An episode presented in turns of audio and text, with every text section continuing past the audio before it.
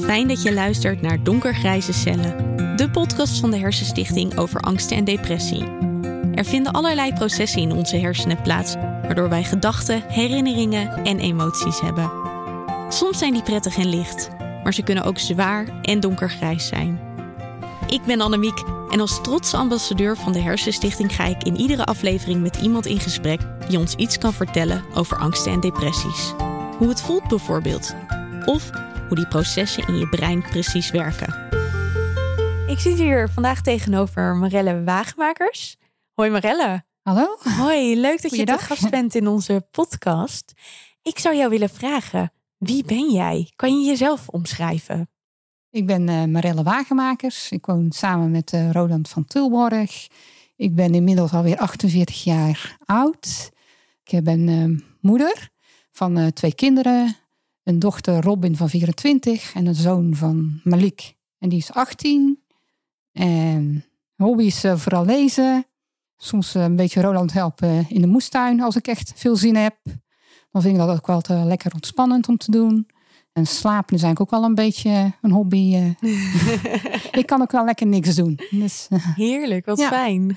En wat betekenen jouw hersenen voor je? Mijn hersenen, ik denk, je je hersenen zijn denk ik eh, wel wie je bent. Wat je doet. Waardoor heel veel dingen worden, denk ik, onbe- ja, worden onbewust aangestuurd eh, door, je, door je hersens. Maar ja, ik kan bepaalde dingen soms ook, eh, bepaalde laadjes ook dicht doen. Dat is fijn dat je dat, dat is fijn kan. voor mij. Ja. En wat voor laadjes zijn dat dan? En dat is vooral van, eh, ja, als je ligt te, te malen over iets of zo. Wat, eh, ja, wat Roland dan nog wel eens doet. En die kan het niet stopzetten. Maar ik kan dat wel stopzetten. En weet je hoe je manier. dat doet? Nee, dat weet ik niet. Nee. Ja, door te, een beetje door de dag dromen. Maar ja, ik weet niet. eh, maar dat kan ik dan wel blijven doen. Dus, en dan vind ik een soort ontspanning. En dan eh, ja, gaat het goed. Wij zitten hier natuurlijk omdat eh, jij al een paar keer over Roland begint. Want Roland is jouw partner. Hoe lang zijn jullie al samen? Ehm, ik heb Roland leren kennen toen ik eh, 17 was. Nou, ik ben nu 48, dus Tel maar. tel maar. ik denk elke keer 25 jaar, maar het is al veel langer. Dat is een behoorlijke tijd inderdaad. Dus, eh, ja. ja. En Roland was 18, dus uh, En waar hebben jullie elkaar leren kennen? ja, gewoon uh, zoals het toen ging in de oude schuur, in de discotheek, in, in eten. dus echt... en ja, was het liefde op het eerste gezicht? In, ja, ik vond hem wel gelijk wel heel erg leuk, zeg maar. Dus ja, dus wel vrij snel na onze eerste ontmoeting is het wel, uh, ja, dan kreeg je gewoon verkering. En eigenlijk hebben we nog steeds verkering. En hoe is jullie levensloop samengegaan? Ja, ik was toen eigenlijk nog wel bezig met een opleiding. MDGO-AW deed ik toen, agogisch werk. Uh, Roland werkte toen veel in de, in de winkel en deed volgens mij een detailhandelschool.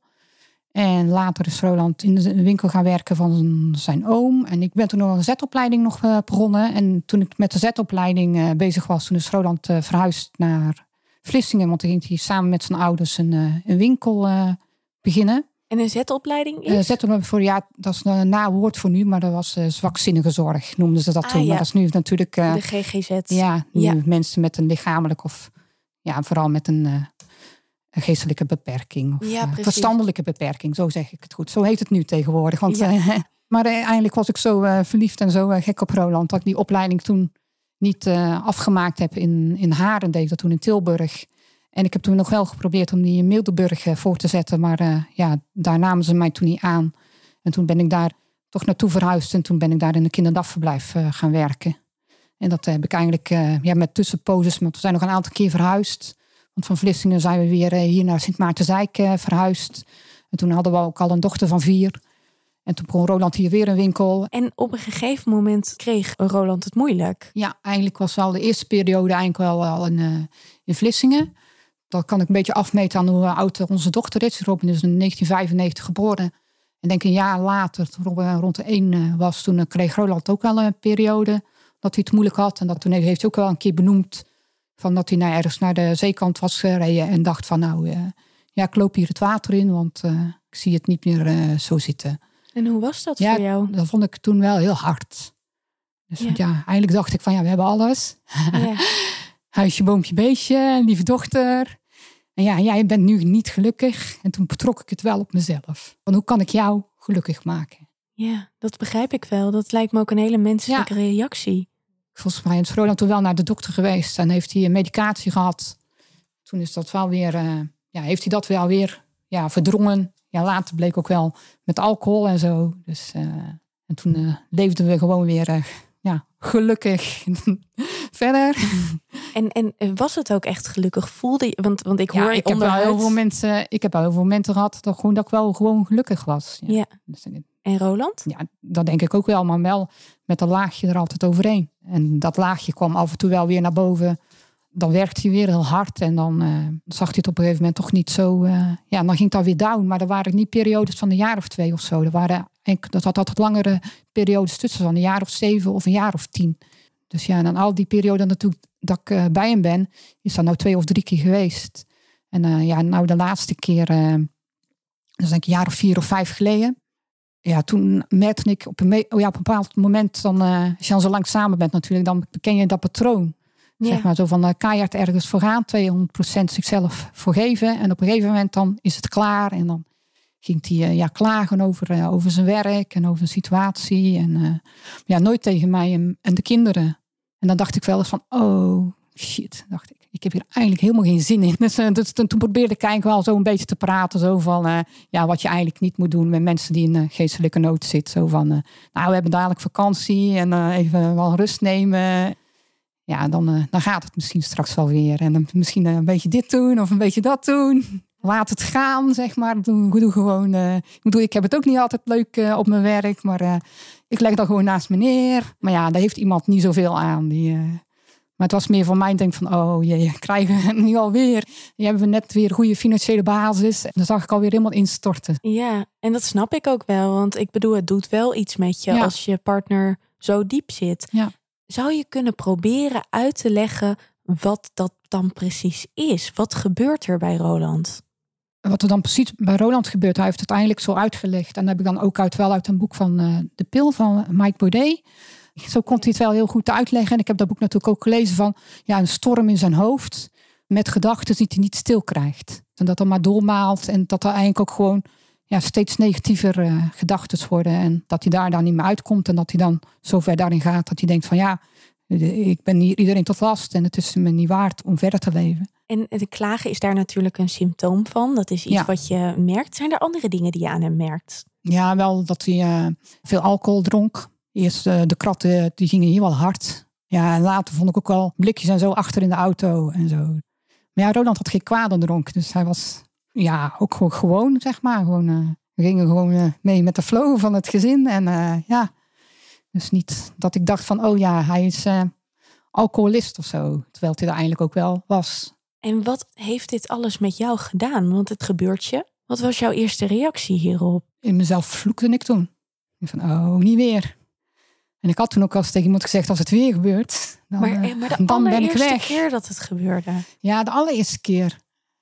Ja, wel advies natuurlijk van de dokter en naar de dokter te gaan en zo. Voor mezelf ben ik er eigenlijk toen gewoon overheen geleefd, zeg maar.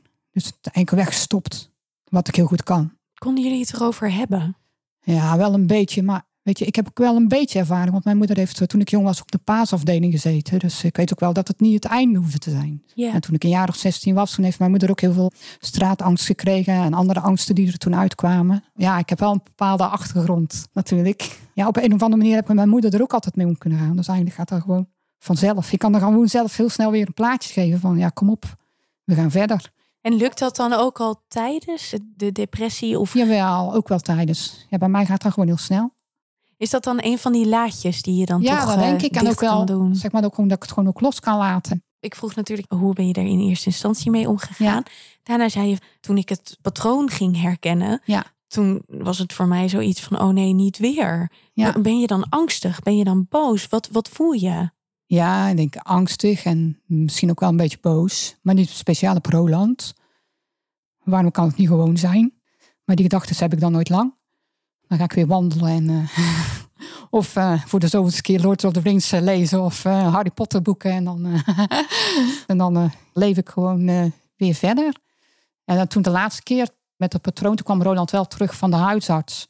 En toen zei hij van ja, ik ben naar de dokter gegaan. Eigenlijk ja, dacht dat, dat hij depressief was, maar ik krijg er een burn-out bij. Dus ik ga voor één en dan krijg ik twee terug. Toen heb ik het wel goed kunnen benoemen. Zeg maar, omdat ik er ook al over na had gedacht. Van uh, ja, hoe gaan we dit nou in het vervolg? Uh, ja, dat het niet meer gebeurt. Zo van ja, dan moet je echt wel hulp gaan zoeken.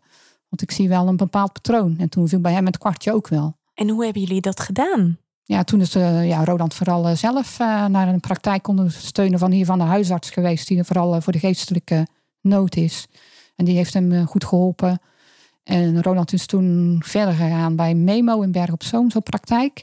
Waar ze hem ook heeft ook ja, groepstherapie gehad. Maar ja, dat, was niet echt iets voor hem, omdat hij dan ook weer te veel met andere mensen bezig was. Want hij is heel zorgzaam. En toen kwam hij gewoon bij, volgens mij gewoon bij een psycholoog of bij een psychiater. Dat weet ik niet, want ik weet wel dat er verschil in zit, maar eigenlijk weet ik dan niet precies. Ja, met schematherapie. Van de dingen, die patronen die je opgebouwd hebt ja, als kind zijnde. En daar heb ik natuurlijk ook wel gelezen. En dan inderdaad, ja, ik ken ook bepaalde kinderen, patronen bij mij die ik nog steeds uitvoer. Maar ja, ik kan daar goed mee leven. Ja, die heeft iedereen. Die heeft iedereen natuurlijk. Heb je ook het gevoel dat jullie samen een proces hebben doorstaan? Of is dit iets wat Roland echt alleen heeft moeten doen? Nee, ik denk wel dat we dat samen ook wel hebben gedaan. Ja, hij moet het natuurlijk alleen doen. Tuurlijk, ja. Ik heb er wel veel meer over gaan lezen. En ik uh, wijs hem niet meer op, zeg maar, als hij te ver doorgaat van, oh ja, nou ben je wel een beetje manisch bezig, want hij is niet bipolair, maar hij heeft wel trekjes van bipolair zijn. Dus van, uh, oh, zou je niet even die rust nemen? En hij luistert nu ook wel uh, meer naar mij. Maar eerst dacht ik ook altijd van, ja, kijk, ik ben gewoon pedagogisch medewerker op een kinderdagverblijf. Ik vind dat goed, ik vind dat oké.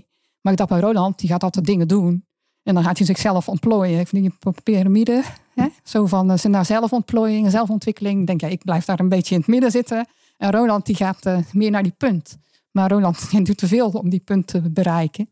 Dus, dus ik gunde hem dat ook altijd wel. Maar nu zie ik daar wel in zo van, ja, hij gaat daar te ver in. Op een gegeven moment is het gewoon klaar, moet je ermee stoppen. En, uh... Ja, want eigenlijk hoor ik nu wel een beetje dat jij dus ook in het geven van advies, het mhm. signaleren van bepaald gedrag wat hij vertoont, dat jullie op die manier een beetje voor zijn hersenen proberen te zorgen. Ja. Hoe zorg jij nou eigenlijk voor jouw hersenen? Voor mijn eigen hersenen. Ja, door, ja lekker te blijven werken en uh, ja, gewoon ook mijn eigen ding te doen. En wat is dat eigenlijk? Eigen, Harry Potter boeken lezen? Ah, nee, nee, niet meer. nou, we hebben nou sinds dat is de reclame van Book Choice. Dan krijg je acht boeken per maand. Ik haal ze niet altijd, maar wel, uh, wel vaak. Ja, en gewoon uh, tv kijken vind ik ook heerlijk. En kunnen jullie daarin ook iets delen? Zijn er dingen die jullie samen doen? Om... Samen doen, oh ja, we doen uh, samen Netflixen. En uh, wandelen met de honden. En ik vind het ook al leuk om mee naar de moestuin te gaan. Ja, en ik kon ondersteunen hem ook wel in de winkel waar hij mee begonnen is. Maar ook, ik stel me ook wel daar weer grenzen in, zeg maar. Dus, ja, want dat is voor jou dus wel belangrijk om ook echt je eigen grenzen te stellen. Hoe doe je dat? Eigenlijk gaat het gewoon vanzelf eigenlijk. Zeg je gewoon bepaalde ook van, dingen? Ook ja, we, hebben, we hebben ook wel eens opmerkingen natuurlijk. En dan hebben we ook wel harde humor. De kinderen ook. Nou, maar soms dus, moet dat uh, ook. Je moet, eh, tenminste, dat, dat, dat herken ik in zekere zin wel. Soms moet, je, ja. moet er ook even die olifant uit de kamer. Eventjes wat luchtigheid erin. Ja. Want hoe is het voor de kinderen geweest? Of nog steeds? Die laatste periode was Robin al het huis uit. We, we praten wel en is ook alles wel in huis eigenlijk ook wel bespreekbaar. Maar Robin moest volgens mij wel lezen of via op de radio met een interview horen dat Ronald wel zelfmoord, uh, hoe hij dat uh, had willen doen. Dus ja, dan komt er natuurlijk wel even binnen. Maar Robin is daar ook wel zelf mee bezig geweest om Roland zelf te interviewen. Een mini-documentaire voor om op de BNN Vara Academie te komen. Wat trouwens ook gelukt is. Dus, die staat uh, ook op YouTube, toch? Die staat ook op YouTube. En Malik vindt het wel lastig dat Roland ook wel de publiciteit zoekt. Dat vindt hij wel, wel lastig. Dat het toch wel naar buiten komt dat is voor een puber is dat natuurlijk ook, wel, uh, wel kwetsbaar. Ja, kwetsbaar. En hoe vind jij dat, dat hij dat doet? Want hij is ambassadeur van Samen Sterk Zonder Stigma. Ik vind het uh, aan de ene kant ook wel heel goed dat hij het doet. Omdat er zeker voor mannen is het nog, nog een groter taboe. Af en toe dan uh, voor vrouwen. Maar ik had er ook in het begin moest ik ook al even een drempel over. Maar ja, ik ben ook wel er weer in meegegaan om hem daar te ondersteunen. En ook mijn stem als partner te laten horen. En waarom vind je het zo belangrijk? Ja, omdat je ook wel kan laten horen dat je ook wel gewoon een normaal leven kan leiden. Maar dat het wel belangrijk is dat je er met elkaar over praat. Luisteraars die nu in dezelfde situatie zitten en even helemaal niet meer weten hoe ze met hun partner om kunnen gaan. Wat zou dan jouw advies zijn? Praat erover met iemand. Kan dat ook gewoon bij, misschien bij een collega die je vertrouwt, of uh, bij een familielid, of bij een vriend of vriendin Ja, en kom je daar niet verder mee, dan eh, kan je volgens mij ook wel eh, ja, naar je huisarts. En die kan je, als je een beetje een goede huisarts hebt, die kan je daar wel in uh, ondersteunen. En, uh, zoek hulp, en zeg je dus zoek hulp opzoeken. En, denk, en tegenwoordig denk ik het ook wel veel te vinden natuurlijk wel op internet. En ja, alle mogelijke sociale media. Wij hebben een estafettevraag. Ja. Had ik je al een klein beetje op voorbereid natuurlijk. Ja. Ik heb een estafettevraag uh, van Floortje Schepers. Zij is psychiater. En zij wil van jou heel graag weten... Hoe krijg je het voor elkaar om verbinding te houden met je partner als die zo depressief is? Ja, um, in verbinding staan. Wij zijn al zo lang bij elkaar. Dat de een iets uitspreekt en dan, oh, dat wil ik ook net zeggen. En dan elkaar zinnen afmaken. Dus zo erg is het uh, bij ons. Dus met die verbinding zit het denk ik wel goed. Ik heb juist het idee dat we meer naar elkaar toegegroeid zijn de laatste jaren dan van elkaar afgegroeid zijn. Wat mooi om te horen. Maar ik weet natuurlijk uit ervaring dat er momenten zijn. Uh, mijn ouders noemen dat altijd dat ik echt onbereikbaar ben. Mhm. En ik denk dat mijn lief dat ook wel herkent. Mhm. Herken jij dat ook in Roland? Dat hij zo in zijn eigen wereld zit of zo afgedwaald even uit het heden is? Ja, soms wel korte momenten, denk ik. Maar niet zo bewust. Dus je krijgt altijd wel contact met hem. Ja, Roland heeft altijd wel periodes dat hij thuis was. Voor onze zoon Malik. Dan lag hij altijd wel lang op bed. Maar dan zorgde hij altijd wel, zeg maar, dat Malik eerst naar school ging. En dan nam hij weer zijn rust. En kwam Malik tussen de middag naar huis. Dan was Roland ook wakker. Dus dat heeft hij altijd wel op kunnen brengen. Klinkt wel of hij altijd zijn verantwoordelijkheid wel Ja. genomen heeft Ja. in het gezinsleven. Ja, dat klopt. Ik denk ook wel dat sommige mensen dat ook gewoon echt niet meer kunnen. Dus het is niet zo veroordelend of zo. Of eh, Nee, zo naar andere mensen toe die, die dat niet kunnen. maar voor iedereen is het proces anders. Dus voor maar iedereen, Roland heeft dat wel gekund. Dus ik denk dat het ons voor het gezin wel goed is geweest. ja, En ook voor de kinderen. voor iedereen is het proces anders. Ik geloof ook echt dat een depressie of angsten Ja. voor iedereen er net wat anders uitziet. Ja, ja, af en toe denk ik dan ook wel eens, wat zou ik dan doen? Als Roland wel zo diep in die depressie komt, dat hij dat niet meer kan of doet. Of dat hij opgenomen moet worden of zo. Maar ik denk, daar moet je ook niet te veel over nadenken. Want ja, je roept wel eens meer, ik zal dit doen of dat doen. Maar als het puntje bij het paaltje komt, dan eh, reageer je daar vaak toch anders op. Ik heb er wel heel veel begrip voor. Maar begrijpen doe ik het natuurlijk niet. Kijk, ik heb wel is natuurlijk kort, korte momentjes gehad. Maar bij mij, zoals ik al eerder heb gezegd, is altijd te snel weg. Dus ik, ja, ik kan daar gewoon niet voor hem invullen. Denk jij dat je kan inleven of invoelen wat het is om een depressie of angsten te hebben? Ja, licht, maar niet. eh, ik kan me eigenlijk niet voorstellen dat ik eh, uit het leven zou stappen en, eh, en dan alles achter me laten. Maar zo erg is het dus. Want Roland houdt heel veel van ons. En die zal dat nooit doen om mijn pijn te doen. Om een einde te maken aan, aan zijn leven. Zo erg is het dus. Mooi dat je dat beseft. En ergens heel fijn dat jij niet kan voelen wat hij voelt. Ja, nee, want anders zullen we samen depressief zijn. Nou, hopelijk komt er toch meer bekendheid en wordt er misschien wel iets uitgevonden wat zorgt dat deze dalen niet zo diep meer hoeven te zijn. Dat Ja. hoop ik altijd ontzettend. Iemand die daar natuurlijk ook mee bezig is, is neuropsycholoog Marie-José van Tol. Die ga ik na jou interviewen, dus die komt in de aflevering hierna. En ik vroeg me af, heb jij ook een vraag voor haar? Ik zit te denken, Roland gaat dan ook meedoen aan een tv-programma. Dat ook gaat over depressie. En dan moeten er filmpjes gemaakt worden, ook zelf. En ze komen hier ook filmen naar hem. En dan denk ik, zal dat hem niet te veel triggeren? Hoe werkt dat in zijn, eh, zijn hersens? Nou, ik ben er zeker van dat zij daar iets over kan zeggen. Ik neem het mee. Ja. Dankjewel voor dit gesprek. Graag gedaan. Bedankt voor het luisteren naar deze aflevering van Donkergrijze Cellen. De Hersenstichting investeert in hersenonderzoek, geeft voorlichting en zet zich in om de patiëntenzorg te verbeteren. Jij kunt ons hierbij helpen door te doneren, maar ook door deze podcast te delen. Vond je de aflevering interessant of herkenbaar? Laat het ons weten via social media met de hashtag Hersenstichting. Wil je meer weten over depressie en angsten? Ga dan naar hersenstichting.nl/depressie.